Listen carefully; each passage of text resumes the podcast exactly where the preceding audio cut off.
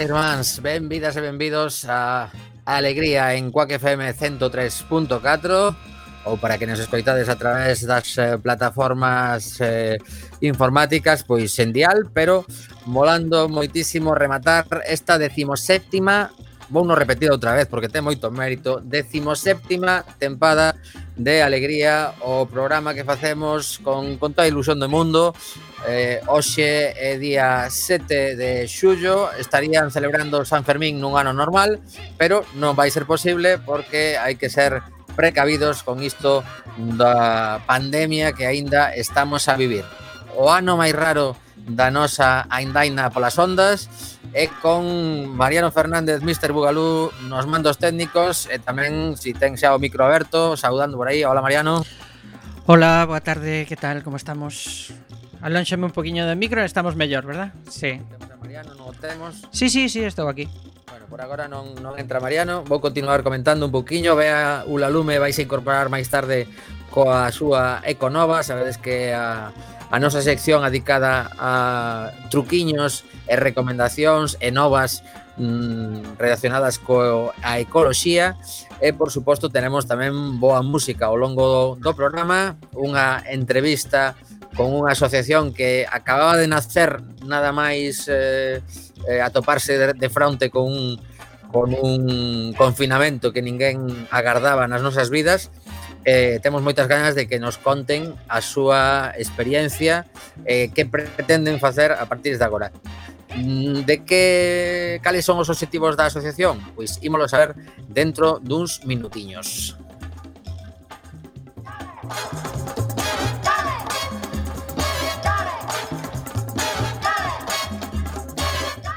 Outra das novas que queremos comentar ao longo do programa de hoxe é as vindeiras eleccións autonómicas que temos o día 12 de xullo. Toda a, toda a ciudadanía galega maior de 18 anos está convocada a aportar o seu voto e de tomar pois esa decisión de quen nos vai gobernar durante os vindeiros 4 anos As enquisas din que a cousa pois, está bastante decantada, pero, como sempre, ata que non imos votar, eh, nestas situacións aínda vai haber algunha sorpresiña, como estamos a comprobar na Mariña Lucense. En principio parece ser que se vai permitir que a xente vote, pero vai ti a saber como evoluciona isto e se finalmente será posible que esas 70.000 persoas que están agora mesmo de alguna forma eh, pechadas nas súas localidades e que seguramente moitas delas hai que ter en conta que eh, posiblemente te pilla o mellor vivindo ali, pero resulta que estás empadronado noutro sitio e tiñas previsto ir a votar a onde está a túa familia ou o teu domicilio habitual. Esa xente, pois non sabemos se si vai a poder finalmente ir a votar ou non. Pero todo iso comentaremos na terceira parte deste Alegría que agora comeza. Así que eh, se Mariano non ten a posibilidad oportunidad de, de saudarnos. Sí que teño, que vou... sí que teño. Ah, vale, vale. Hola, Mariano, que tal? Como estás? Sí que teño. Estou ben, vale, ben, vale, ben. Que... Por aquí. Pois ti non, pero eu estaba saindo, eh, que conste. Estaba chegaba entón. Bueno, pois eh, queremos queremos que nos contes eh, se ti estás xa mentalizado de que o día 12 tes que unha, unha misión importante Ou vas a votar por correo? Non, non, eu, eu vou votar en urnas e nada o impide. Ajá. Como sempre. Vale, vale. Pois pues eu, eu solicitei esta, esta ocasión por primeira vez na miña vida o voto por correo porque prometían que ian vir a casa é que eh, traían as 12 papeletas, ah, perdón, as 19 papeletas, que hai 19 partidos que se presentan ás eleccións, é que eh, eu ia ter un momentiño para escollela, metela e entregarlla a, a carteira ou carteiro. Bueno, total, que chegaron este sábado pola mañán, que eu non estaba, co cal teño que desplazarme mañán ata a miña oficina de correos, eh, agardar que non haxa moita cola, vou ir a primeiriña hora, a ver se teño sorte e xa queda votado pero bueno, eu agardaba que me chamasen antes para, para concertar unha cita. Digo, pensei que sería algo lóxico porque senón estar todo o día na casa é casi imposible agardando a que te chegue pois esa, esa oportunidade de, de votar por primeira vez que estaba, estaba mm, previsto que grabase en vídeo e todo como un momento histórico. Pero bueno, non nos enrollamos máis que temos aos convidados agardando para entrar en antena. Así que, Mariano, que canción temos para bailar un poquiño antes de, de falar con eles? Pois traemos un grupo que a ti te que se chama Tecanela. Ah, pois sí, pois acabamos de ter un concerto con estes dous zaragozanos. Bueno, ela, ela zaragozana, ele de Cantabria, eh, espectaculares. Eu, para, para quen queira disfrutar da, da música de Tecanela, que os busque nas súas cales, Te Canela escrito todo xunto, porque paga moitísima pena. Dalle aí porque ímola gozar.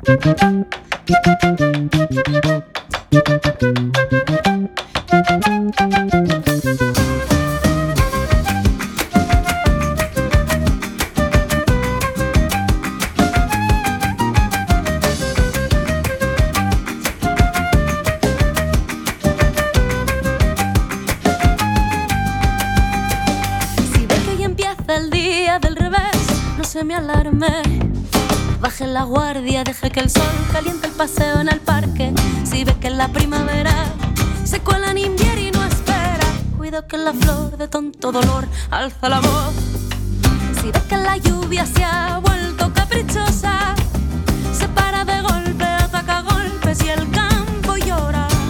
Seré yo que soy cobarde, discúlpenme, pero es que puedo ver si miro el reloj que llegamos tarde, que llegamos tarde, que no llegamos, que llegamos tarde, que no llegamos, que llegamos tarde, tan tarde que no llegamos, sí, si más incendio, será que hay más loco, ya nos preocuparemos, pero poquito a poco, llenan las piscinas, secos los pozos, que grita, que grita la oímos todos.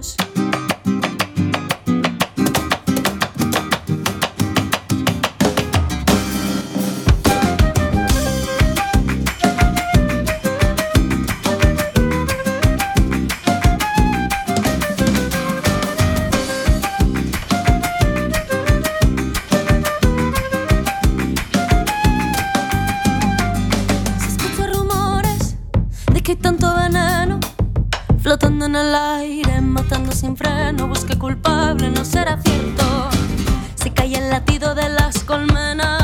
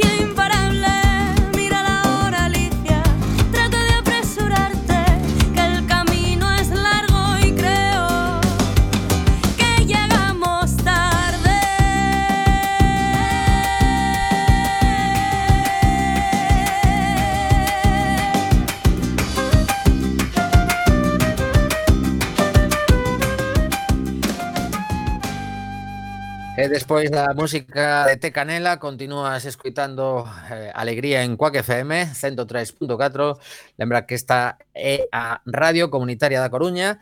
E hoxe imos coñecer a unha nova asociación. Eh, Posiblemente a maioría da xente que nos está a escoitar Pois aínda non tivexedes ocasión de, de oír falar deles porque naceron hai moi pouquiño, sobre todo tendo en conta que hai un período das nosas vidas que vai quedar así como unha especie de limbo e non se sabe moi ben como vai a pasar a historia todo o que sucedeu antes e despois. E imos saudar xa aos nosos dous convidado, convidados que son Enrique. Hola, Enrique, que tal?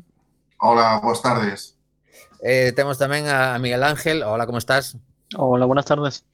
Bueno, pois eh, estes eh, dous compañeiros eh, deciden fundar en febreiro unha asociación con eh, un obxectivo bastante claro que é eh, o, o traballo a prol das mellores condicións posibles para a xente que decide utilizar os vehículos de mobilidade persoal. O sea, eh, creo que a, termino, a terminoloxía que, que, que se está utilizando, non? Enrique?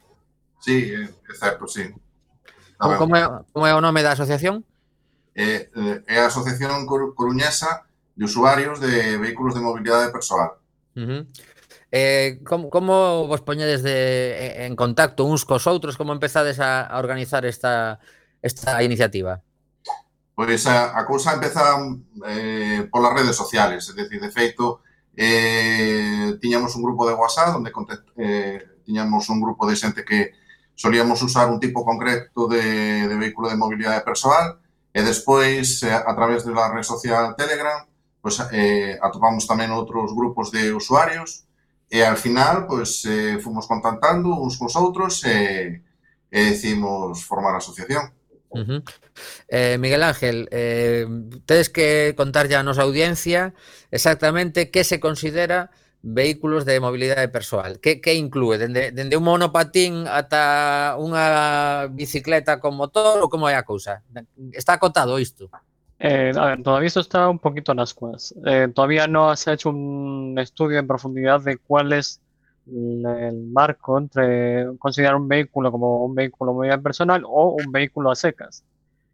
Los de movilidad personal hasta ahora son clasificados pues a lo mejor unos 6 o 7 que son los patinetes eléctricos, son los monociclos eléctricos, son los hoverboards que son de dos ruedas, algo parecido a lo que ya los chavales ahora eh, y se pegan leches, pues, bueno, Sí, pues algo parecido a eso, pero Sí, sí. más, más, un poquito más grande.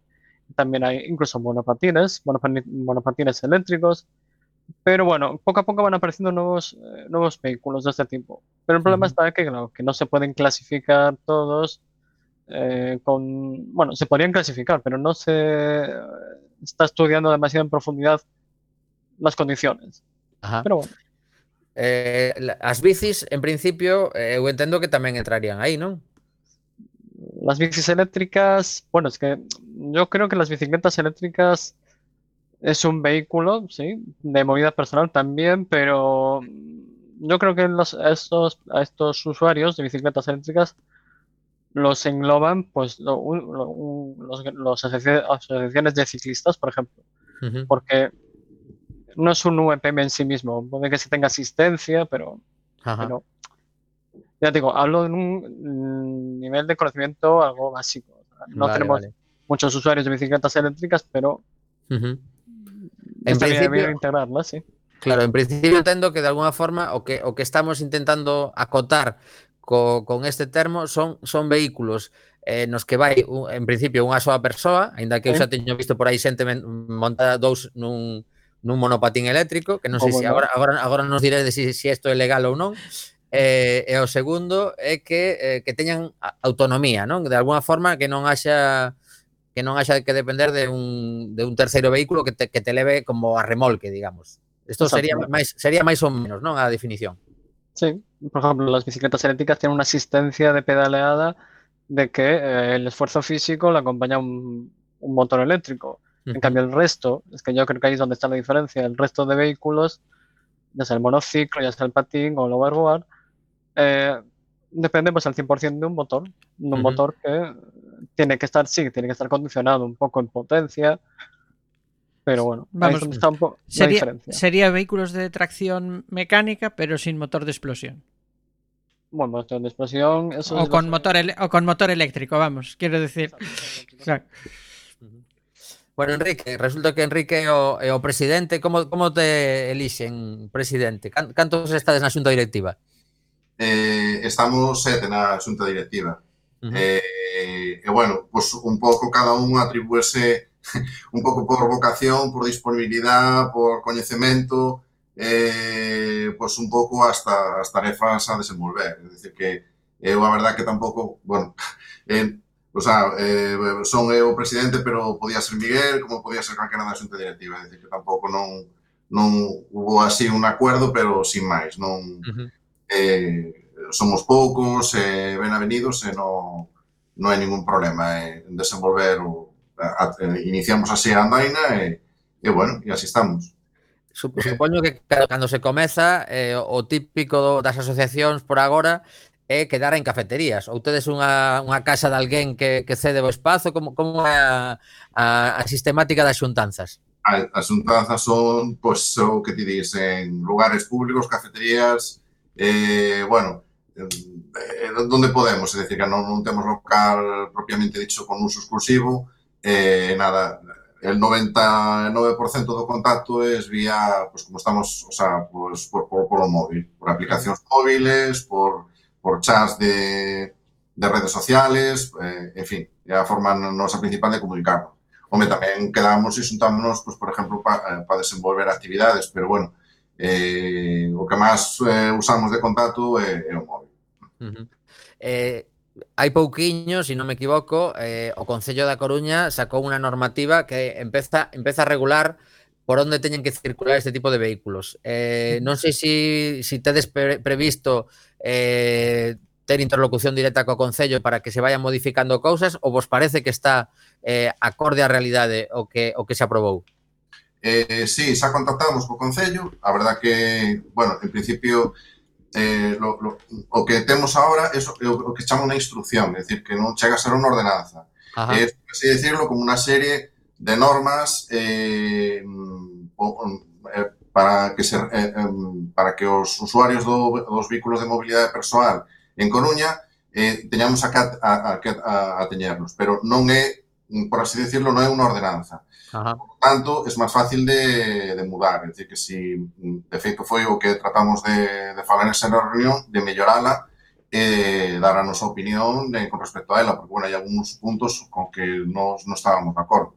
Ujú. Eh, así o reflejamos, a verdad que a actitude do Concello foi moi boa, e, de feito, bueno, pues, eh, quedamos citados para futuras reunións, e vamos a ternos en conta para consultar, para eh, que nos podamos eh, apo apoiar eh, porque de feito eh, somos aliados, o sea, tanto as administraciones públicas como os, as asociacións de usuarios de vehículo de mobilidade persoal, al final creo que perseguimos o mesmo fin, que es unha mobilidade máis limpa, eh, e intentar humanizar moito máis as, as cidades e facilitar a mobilidade polo, sobre todo no ámbito urbano.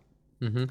En principio estamos vendo, estamos vendo que hai determinadas zonas que están xa vendo eh, esa reducción de velocidade. Hai algún carril de, de Juan Flores que xa está máximo a 30 por hora. Hai alguna zona, incluso zona 10, se si non me equivoco, na, na cidade. Se non está xa, pois se anunciou hai, hai pouquiño estarán pendentes de facelo. Eh, esa debe ser a tendencia, según segundo a vosa, a vosa forma de ver a mobilidade, Miguel Ángel, por exemplo. Sí, precisamente el que animamos al Concello, a, a los grupos de movilidad, a que vayan expandiendo un poco más este tipo de carriles, eh, bueno, carriles bici, zonas 30, es, es el día es esencial para que nos podamos mover, ya que todavía no hay una equiparación todavía a una bicicleta, que la bicicleta puede ir por cualquier parte del casco urbano, por, por la ciudad, pero en to- nosotros todavía no. Pues gracias a esas áreas que ya están delimitando el Concello, pues podemos circular con normalidad y con tranquilidad, que también es importante. Hai, hai previsto, eh, non sei se está de alguna forma regulado, que este tipo de vehículos todos tengan unha matrícula ou algún tipo de referencia para, primero, por también eh, estar, estar localizados e incluso a, nivel de, de seguridad por el tema de posibles robos. No sé si tienen números de, de referencia o, o la matrícula está, está previsto que se implante en algún momento. No sé si de- desde la Dirección General de Tráfico también se está regulando este tipo de cosas. ¿Lo sabéis vosotros? A ver, matrículas todavía no. Hay números de serie del bastidor, eh, bueno, sobre todo el bastidor, que es la fuente de alimentación, también, bueno, en resumidas cuentas, un número de serie. Ahora, eh, utilidades de esto, principalmente yo creo es que si te lo roban o si te lo confiscan o si tienes que pasar algún asunto administrativo, pues está bien que tenga nombre. Pero la matriculación yo eh, la veo un poco excesiva. Es, Ajá. como tener que pasar por una serie de pruebas y eso ya es, es como si pidiéramos matricularse a todas las bicicletas de Coruña o de España. Sería un desbocado eso. Un poco caótico, pero bueno. Claro, porque vos estades obligados a ter algún tipo de seguro. Imaginemos, agora, se si non me equivoco, tedes que circular por, a, por onde circulan os vehículos eh, de motor. Entón, eh, podemos supoñer que nun momento dado, eh, algún que vai nun, nun patinete eléctrico, pois pode o mellor pois atropellar a unha persoa ou esa persoa eh, saltarse, non, non ver a, esa, a ese vehículo que está chegando. Non sei se vos obliga a normativa a ter algún tipo de seguro a, a, de momento, o sea, a normativa non, non o contempla como obligatorio, pero é moi aconsellable, é dicir, que nos, os nosos asociados recomendámoslo, eh, de, de feito, eh, eh, o, o seguro de responsabilidade civil eh, é eh, unha cosa ben barata, porque, gracias a Dios, pese a que nos medios eh, a veces destacan noticias de accidentes con vehículos de mobilidade persoal, a sinistralidade é baixísima. De feito, as cuotas son pues falamos de 20, 30, 40 euros anuales, ou, eh, falamos de medio millón de euros de responsabilidade civil. Caramba. É dicir, que as cotas son baixas, a cobertura é ampla, eh, Nós tamén eh, procuramos aconsellar eh, complementar o seguro eh, si se tende de fogar, porque tamén é moi útil, eh, porque mm, o moita xente que non o sabe, pero moitas veces os, os seguros de fogar cubren, eh, por, por exemplo, a sustracción ou roubo do vehículo de mobilidade personal, mentras que o seguro de responsabilidade civil non cubre solamente os daños a terceiros. Eh, pero bueno, resumindo que o que ti decías non é obligatorio, pero é moi recomendable. Uh -huh. Beano? Eh, bueno, eu, uh, a ver, Bueno, vin, vin que Mariano levantaba...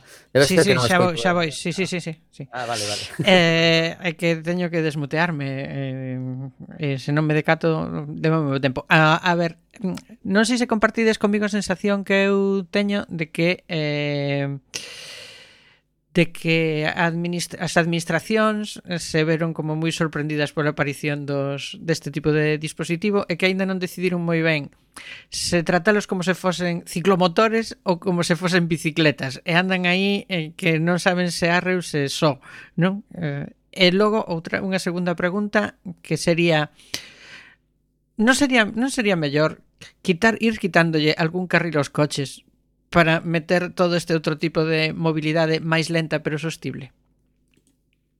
Pois, desde logo, no, o sea, o, eh, a, a tendencia que vemos nas, eh, na mobilidade urbana é precisamente a tratar de pacificar o tráfico, é dicir que levamos décadas co que o coche ha monopolizado as formas de mobilidade nas cidades e eh, hai que dar paso a outras formas alternativas. O, o coche, por suposto, que non ten que desaparecer, ni moito menos, pero eh, o espacio urbano é limitado, eh, levamos décadas con un predominio total do coche, e, eh, eh e hai que asumir que ten que ceder terreo tanto aos peatóns como a outras formas novas de mobilidade, e, eh, e de feito se pode convivir perfectamente cos coches con as medidas que están tomando agora de pacificación, é dicir, reducir a velocidade fai que eh, para os usuarios das bicicletas, dos vehículos de mobilidade persoal, eh, Mm, eh, podamos usar con seguridade eh, os nosos vehículos eh, na calzada. É dicir que eh, de, o, os carriles bici son boísimos, e cantos a, a, moitos máis haxa moito mellor, e en mellores condicións facilitan un montón e nos dan un montón de seguridade. Pero a calzada tamén pode ser usada por tanto por, por as bicicletas como por nós. Eh, pero claro, eso conleva unha pacificación, unha reducción das velocidades con as que se moven os coches pola, polas cidades. E o que comentabas ti antes me parece que era que a sorpresa no? das administracións, sí, eu penso que sí, que eh, eh a masa tecnoloxía ha evolucionado unha barbaridade, é dicir que os eh, eh tanto rendimientos, as, os modelos, eh, eh, cada seis meses, cada ano, casi hai unha novedade en este mundo, porque é un mundo eléctrico e está evolucionando a unha velocidade vertiginosa e quizás eh, pues, as administracións se han visto un poco sorprendidas, o, primero por el boom de ventas, por el boom de usuarios e por las novedades que, que, que trae consigo, claro.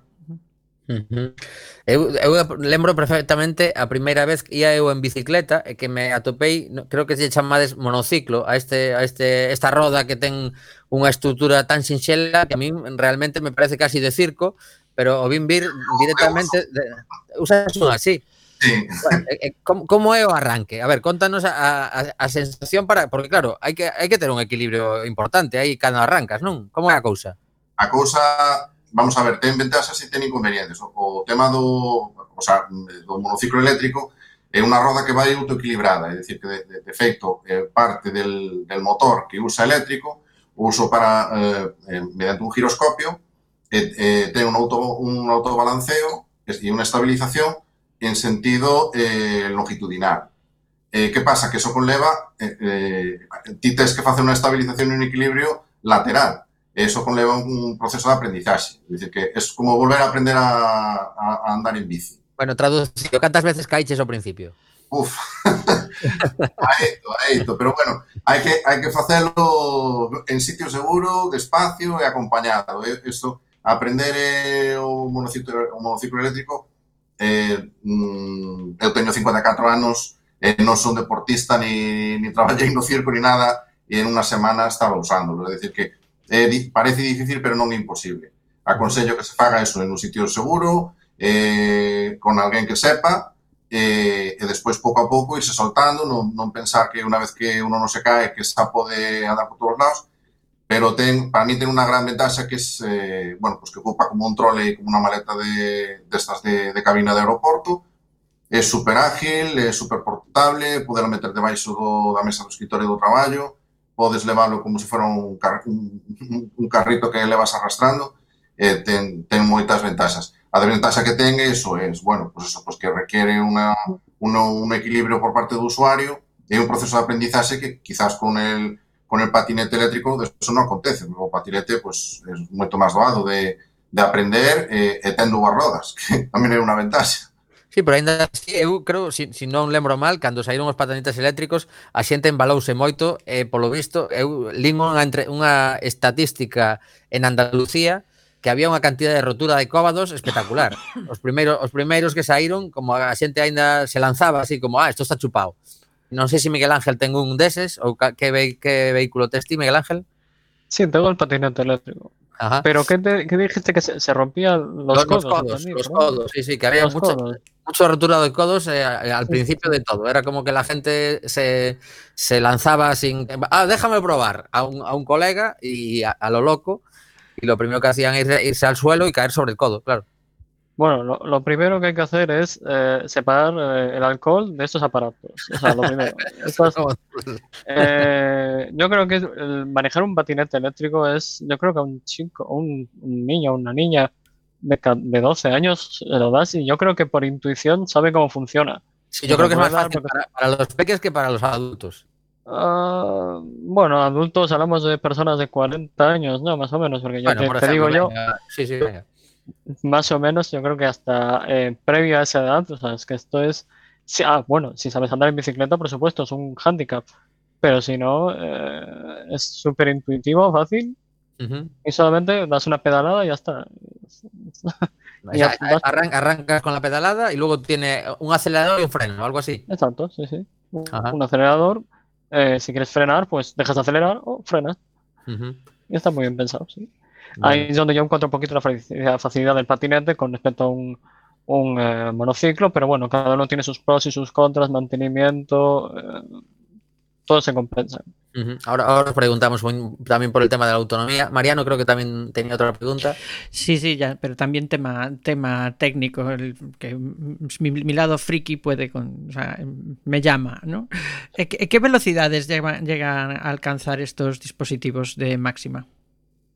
A ver, cada de máxima, a ver, yo de por fabrica, el fabricante de, esos aparatos, están homologados, están, eh, bueno, no creo que haya más homologaciones que, esto, con el sello europeo, ya tiene una limitación de velocidad de 25 kilómetros por hora. Eso no lo puedes superar.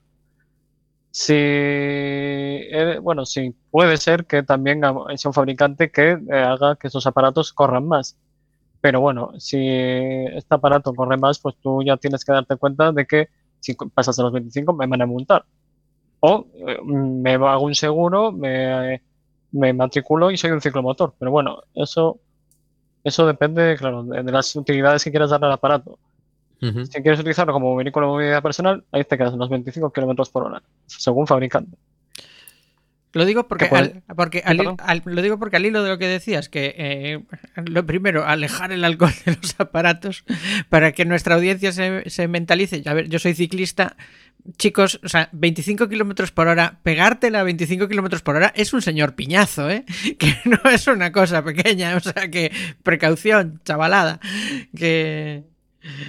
No, decía lo del alcohol porque yo creo que esas personas que se pegaban codazos, no sé, justamente iban muy rápido o, o- o son muy novatos, que eso mm, podría ser, pero bueno, lo podría descartar, o van un poquito eh, alegres. Sí, porque te al fin y al cabo te caes de tu altura, ¿no? Porque es, vas, y vas en una posición de pie, con lo cual es relativamente más fácil controlar la caída que, que en posición sentada, ¿no? En un ciclomotor, en una bicicleta, la torta suele ser de impresión, porque entre otras cosas no te puedes mover, eh, gran cosa, no... Exacto. Yo, por Hay- ejemplo, hay- hay- sí, perdona, dime, dime. A 12, a 12 kilómetros por hora, si tú, eh, por ejemplo, cerca de las vías del, del paseo marítimo, que son unas vías del tranvía mortales, por así decirlo, Sí. si ya en el tramo que tienes que hacer la, eh, pasar el, eh, subir a la acera para, Sí. para incorporarte al carril bici, a lo mejor, bueno, pues vas a 12 kilómetros por hora, pues ya solo el resbalón que pegas con esas vías a esa velocidad, ya es para eh, va a matarte, pero joder, un susto o si lo apoyas mal, un chichón. Sí, sí, sí. O sea, la velocidad, sea cual sea, es peligrosa. O sea, hay que Está- tener cuidado. Claro, está, está claro con, con este tipo de vehículos. eh, cualquier bache un poco considerable es un, es un peligro, pero bastante serio, porque realmente, sobre todo con, con las ruedas pequeñitas de los, de los patinetes, debe ser bastante complicado. Y no sé si en el, en el caso de, de Enrique también se ha, se ha encontrado algún bache de esos y dice, uff, de la que me acabo de librar. Sí, eh, eh, eh, eh, precisamente es eso. Eh, eh eu vou encima de unha sola roda e calquera cousa, unha grieta, unha tapa de alcantarilla mal colocada, eh, o que sei, eh, incluso a, a propia pintura que cae na calzada mollada, eh, uh -huh. eu teño que ir atento a todo. e non podo non podo esquecer ningún detalle porque porque é así, porque eu pois eh, o que decía antes Miguel, eh, 10, 12 km por hora, aínda que pareza unha velocidade pequena, pero cando caes con teu, teu corpo no chan, pois, pois podes, eh, podes facer dano. Eu, eh, desde logo, mm, as, eh, as medidas de seguridade, eu o casco sempre, sempre, sempre, protección de, de muñecas tamén, sempre moi recomendable. Eh, por qué? Porque o primeiro, o sea, tens que proteger o máis sensible que, que podes atoparte nunha caída. Pero bueno, ven así, o sea, si vas atento, si vas a una velocidad moderada, si le vas a estas medidas de protección, si vas atento, eh, mm, pues precisamente huir a velocidades moderadas para que te podas anticipar a moitas cousas. Eh, vamos, non, eh, tampouco non considero que seña unha cousa de unha peligrosidade excesiva, máis aló de que eso, de que vas, estás usando un vehículo e, e que te podes caer, pero te podes caer tamén por as escaleras da casa. Sí, sí. Mariano.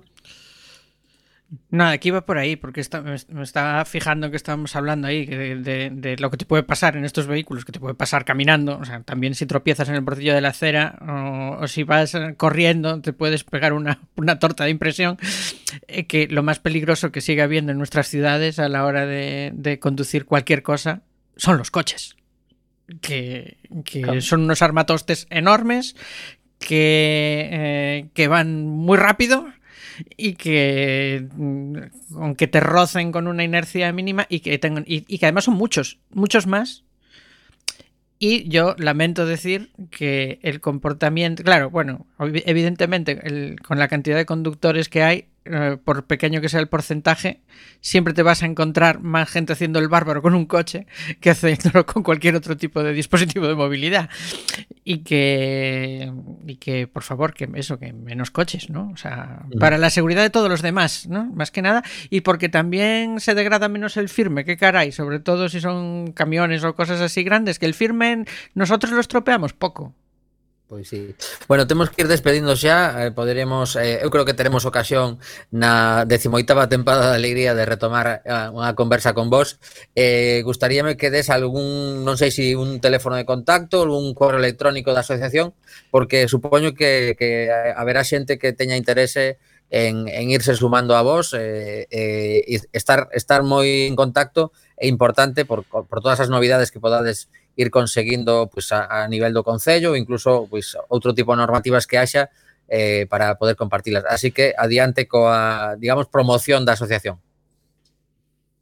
A ver, me- lo comento yo porque estoy un poco gestionando un poco las redes. A ver, si Ajá. quieren eh, por correo electrónico, eh, pueden eh, poner eh, ACOVMP, que son las siglas de Asociación Coruñesa de Usuarios de Vehículos de Movilidad Personal, Ujú. eh, arroba gmail.com y con el mismo nombre lo buscan por Twitter o en YouTube, incluso que hemos subido ayer un vídeo del recorrido para el día 10 de la marcha que vamos a hacer. Ajá. Eh, Ahora, pues ahora, ahora, ahora nos habláis de eso, ¿eh? antes de despedir. sí, sí, Lo, sí. de- lo del día 10. Y perdona que estabas diciendo, eh, en, en- en Facebook también, por ejemplo, tenéis o no? En Facebook sí, eh, igual em, en, la pestaña de, en la pestaña de buscar podéis Asociación Coruñesa de Usuarios de, Vehicu- de WebP, os Mm. aparece ahí. o incluso lo más importante, Telegram. Ahí también ponéis las mismas siglas y encontráis una comunidad muy amplia de usuarios uh -huh. de este tipo de vehículos. Bueno, pues Enrique, eh, despedi despedimos con esa convocatoria del día 10. Cuéntanos lo que tenéis previsto. Eh, pues temos previsto eh, eh, organizar eh, o día 10 eh, de, de, deste mes, este venres, eh, temos organizado unha quedada máis unha ruta eh, por Coruña para intentar promocionar o día de, de suyo como o Día Internacional do Vehículo de Mobilidade Persoal, que se é coordinado eh, en toda España pola Asociación, o sea, pola Federación de Asociaciones de vehículos de mobilidade persoal de Madrid, de Barcelona, de Sevilla, de, bueno, de, de moitas cidades, faise simultaneamente en esas cidades, e, bueno, e intentar pues, eh, conseguir eh, que se estableza o día de, de suyo como Día Internacional de Vehículo de Mobilidade Personal, que es el aniversario de Tesla. Bueno, por así decirlo, Ujú, Sí, sí. el, fa- el factotum de todos, de todos estos dispositivos electrónicos modernos, eh, por eso elixiuse ese día. Eh, bueno, é xornada festiva, imos quedar en María Pita, eh, eh, mm, ás seis da tarde, eh, despois iremos a dar unha volta alrededor de Coruña por unha ruta programada e despois, bueno, pues pecharemos o acto ali lendo un comunicado, bueno, reivindicación do, do Día Internacional de, do, de, do Vehículo de Mobilidade Persoal. Ajá. Ah, o, o peche será tamén María Pita? Sí, as, alrededor das sete. Perfecto. Sí, bueno, es, pues, ese tal ese tal eh. Tesla, ese tal Tesla sóanos por aquí tamén un pouco. ¿Verdad? Sí. Sí, sí, é un tipo argalleiro, como nos gusta chamar. Bueno, pois nada, quedamos en contacto, calquera iniciativa que teñades eh, tentaremos. Agora collemos vacacións, iso sí, eh, imos estar menos mm. presentes en en Quack FM, pero a partir de setembro xa regresamos a maioría dos programas, así que tedenos localizados e agardamos que a asociación vaya, vaya medrando. É eh, unha cousa que pido sempre tanto a, a, a xente que levamos bicicletas como aos que levan vehículos de mobilidade persoal, por favor, polas noites que se vos vexa ben, que a veces levamos sustos porque a xente non se pon ningún tipo de, de reflectante e realmente creo, creo que é unha das cousas máis importantes eh, ter en conta que cando saes de casa hai unha luz, pero cando regresas hai outra moi diferente e que sexamos conscientes diso porque é para, para o ben de, da, da, da vosa seguridade. Así que nada, moitísimas grazas e ata a próxima. Gracias. Ata a próxima.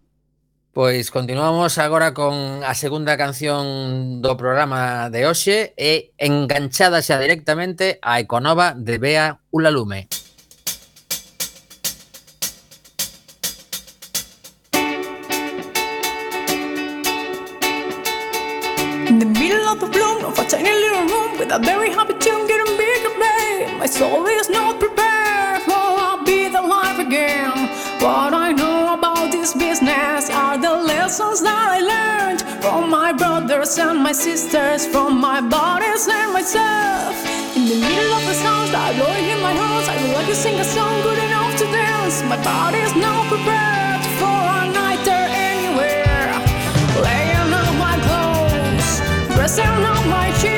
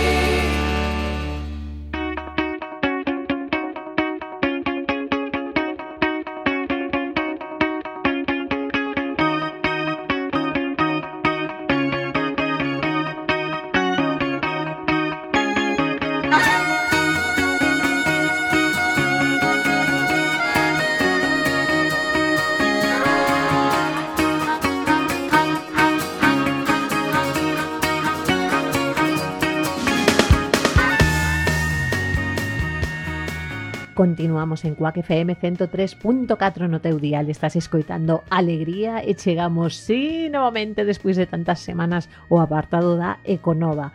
Oxe, además, quero recuperar algunhas novas que quedaron no caixón, porque, claro, como últimamente eso pensamos no coronavirus, e estivemos aí parados tanto tempo e tal, pois quedaronme unhas novas dai un meses que son interesantes e que foron quedando un poquito esquecidas e quería recuperalas antes de que queden esquecidas de todo. Como, por exemplo, algúns datos que me pareceron moi interesantes sobre a tecnoloxía 5G. Sabíades que se internet fose un país sería o sexto máis contaminante do mundo, E este dato é unha das principais conclusións dun informe presentado por Greenpeace que asegura que o tráfico digital consume o 7% da electricidade mundial, que é moitísimo. Outro informe publicado por Nature eh, di que as emisións do sector das tecnoloxías de información e da comunicación ascenden a un 2,5%, que é unha cifra moi similar á da aviación comercial. Wow. Agárdase que en 2025 a tecnoloxía 5G sea ata 100 veces máis eficiente que a da 4G. Isto é un dato moi positivo, pero ten outra lectura. O grande aumento da demanda de datos elevará as necesidades de enerxía. Neste senso, calculase que a demanda de TICs aumentará a demanda mundial de enerxía dun 2 a un 7% para 2030 eh, así que se hai voces pois suxerindo aos grandes das TICs que, bueno, igual se podería ir pensando pois en utilizar mm, enerxías renovables como a eólica ou o que sexa. Bueno, iremos vendo. Por outra banda, temos un ranking de supermercados contra o plástico eh, sacado por Greenpeace que se reuniu durante ano e medio cos oito principais supermercados de España para trasladarlles 10 demandas que contribuirían a frear o uso excesivo de plásticos e doutros envases dun só uso. En decembro publicaron a táboa cos compromisos adquiridos por estas grandes superficies no que se puntuaba especialmente a transparencia, porque iso facilitaría o seguimento destes compromisos xa non só por Greenpeace, senón por calquera persoa como a ti e como a eu. Os parámetros que se mediron foron plan de eliminación de plásticos dun só uso, fomento de envases reutilizables, non fomentar falsas solucións, ter froitas e verduras a granel, fomentar outros produtos a granel, eliminar bolsas e plásticos dun só uso, transparencia na pegada plástica, o que falábamos antes, traballo cos proveedores para eliminar plásticos e fomento de bolsas reutilizables. E como quedou o ranking? Trrrrrchon! Pois de primeiro quedou Eroski con 7 puntazos. Despois Lidl con 6,5, Alcampo 6,2, Aldi 6,1, Estes catro foron os aprobados, agora imos cos malotes da clase. El corte inglés cun 4,6 non aproba por pouco. Día cun 4 e logo xa Mercadona un 3,2. Mercadona que me estás contando e que estudiar un pouquiño e xa non falemos de Carrefour cun 2,3. Fatal. Por outra banda, Greenpeace tamén pide que nos animemos a escribir a estes supermercados para, para mm, felicitalos cando fan ben, eh, eh, eh, animalos a que sigan facendo ben as cousas, eh, ou para mm, darlles un pouquiño unha colleja en caso de que o estea facendo mal. É unha boa idea porque eh, o que dicían en Greenpeace precisamente era que cando estaban de negociacións con esta xente, pois algúns dicían que, bueno, claro, que recolleron asignaturas, pero que hai hai moito ecoloxista de salón e que logo a realidade é que a xente pasa un pouco de todo. Así que amosemos que non pasamos un pouco de todo eh, se buscades o ranking de supermercados contra o plástico na páxina de Greenpeace ali atoparedes tamén eh, xeitos de comunicarvos coas diferentes superficies por se queredes escribirlles algunha cosilla Continuamos falando agora da electricidade española de Xaneiro, que foi renovable nun 41,6%, que está moi ben. Eh, este mes de xaneiro, segundo os datos estimados pola Rede Eléctrica Española, a xeración procedente de fontes de enerxía renovable representou, como dicíamos, un 41,6% da produción. A produción de orixe eólico en xaneiro supuso un 20,3% da produción nacional. Pois nada, nada, hai que tirar por aí, eh, ata o infinito e máis aló. España é, ademais, o segundo país con máis capacidade eólica en 2019 con, eh, con respecto a outros países da, da Unión Europea. Europa instalou 15,4 gigavatios de nova potencia eólica en 2019 eh, a enerxía procedente do vento representou un 15% de todo o consumo de electricidade en Europa o ano pasado. O que quedou de primeiro foi Reino Unido, primeiro país europeo en novos parques eólicos, despois España e despois Alemanha. Eh, pero España, sin embargo, eh, alcanzou os seus mellores números dende 2009. Eh, o ritmo das instalacións debe duplicarse todavía para alcanzar os obxectivos establecidos no, no Green New Deal establecido pola Unión Europea, o Green Deal, mellor dito, pero, bueno, se continuamos así, igual ata chegamos. E dentro desta mellora de España, que non fixo mellor? Pois mirade, Aragón foi a comunidade con máis potencia renovable de 2019. Eh, foi a que mm, incorporou máis potencia renovable. Concretamente, se conectaron á rede 1022 megavatios de novas plantas eólicas e 765 de fotovoltaicas. Aragón aumentou a súa potencia renovable nun 24,4 e dentro da, do conxunto de España supón o 27,3% de toda a nova xeración instalada en España. Por outra banda, Quen nos dá sopas con onda a nivel europeo? Pois Escocia, Escocia que vai disparada cara a ser o verde máis verde de todos os verdes de Europa. Quere ser 100% renovable este ano. Bueno, hai que dicir que esta nova saiu en Xaneiro. Nos meses seguintes cambiaron bastantes cousas, así que non sei se van poder continuar con este obxectivo, pero agardemos que sí. En Xaneiro, a finais de Xaneiro, nos contaban que Escocia é considerado un país referente a nivel mundial en renovables. Deixerá de utilizar combustibles fósiles en 2020 e xa hai cinco anos logrou que a metade da súa electricidade producida eh, fose eh, por, producida por renovables.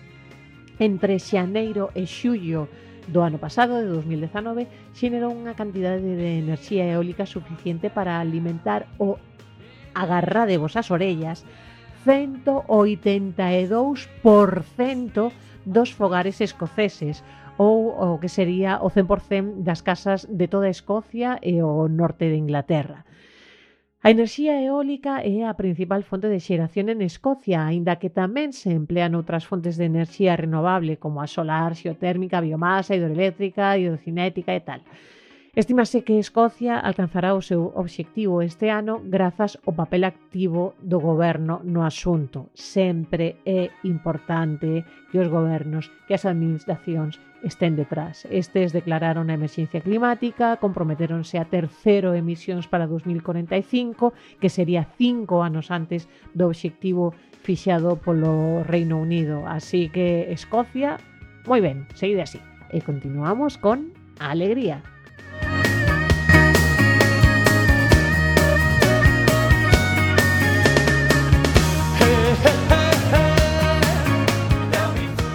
Ben, irmás e irmáns, ata aquí chega a 17ª tempada de Alegría en Cuac FM 103.4 na Radio Comunitaria da Coruña un, un ano realmente extraño no que todo quedou interrumpido ah, aí a partires do 13 de marzo.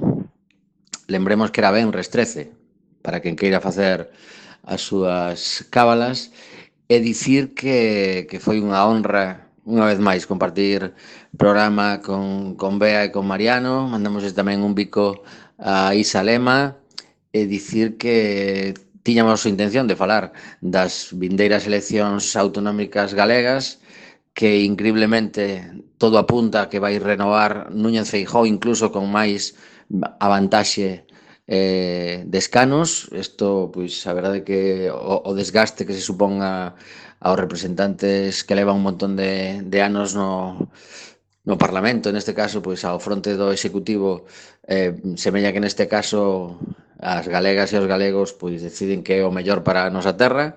Eh, bueno, aínda queda moito partido, eh, que o mellor hai sorpresas, pero bueno, en principio, mm, salvo ese vuelco de ultimísima hora, pois imos quedar cos, cos que temos. Recortaron en cultura, recortaron en educación, privatizaron a sanidade eh, mm, todo o que puideron, eh, as residencias de maiores tamén están en mans de empresas e fundacións privadas, e pese a todo iso, pois continúan. As competencias de industria son súas e se pechan cousas como Alcoa, eh, non pasa nada. A TVG ten un papel importantísimo en todo isto, a Radio Galega supoño que tamén. E nós continuaremos a vindeira tempada, agardamos chegar a, a maioría de idade de alegría, así que nada, ata aquí a nosa eh, aportación, dicir tamén que foi unha honra enorme que o noso tempo, os martes ás seis da tarde, estivesen durante unha boa parte da, do confinamento ocupados por Radio Patio, ese programa que fixemos de forma comunitaria un montón de persoas de Quack FM e que disfrutamos moitísimo, eu particularmente con esa sección de coruñeses e galegas eh, polo mundo. E nada, que pasedes boberán, e que levemos mascarilla e ata o vindeiro ano. Alegría, Quack FM.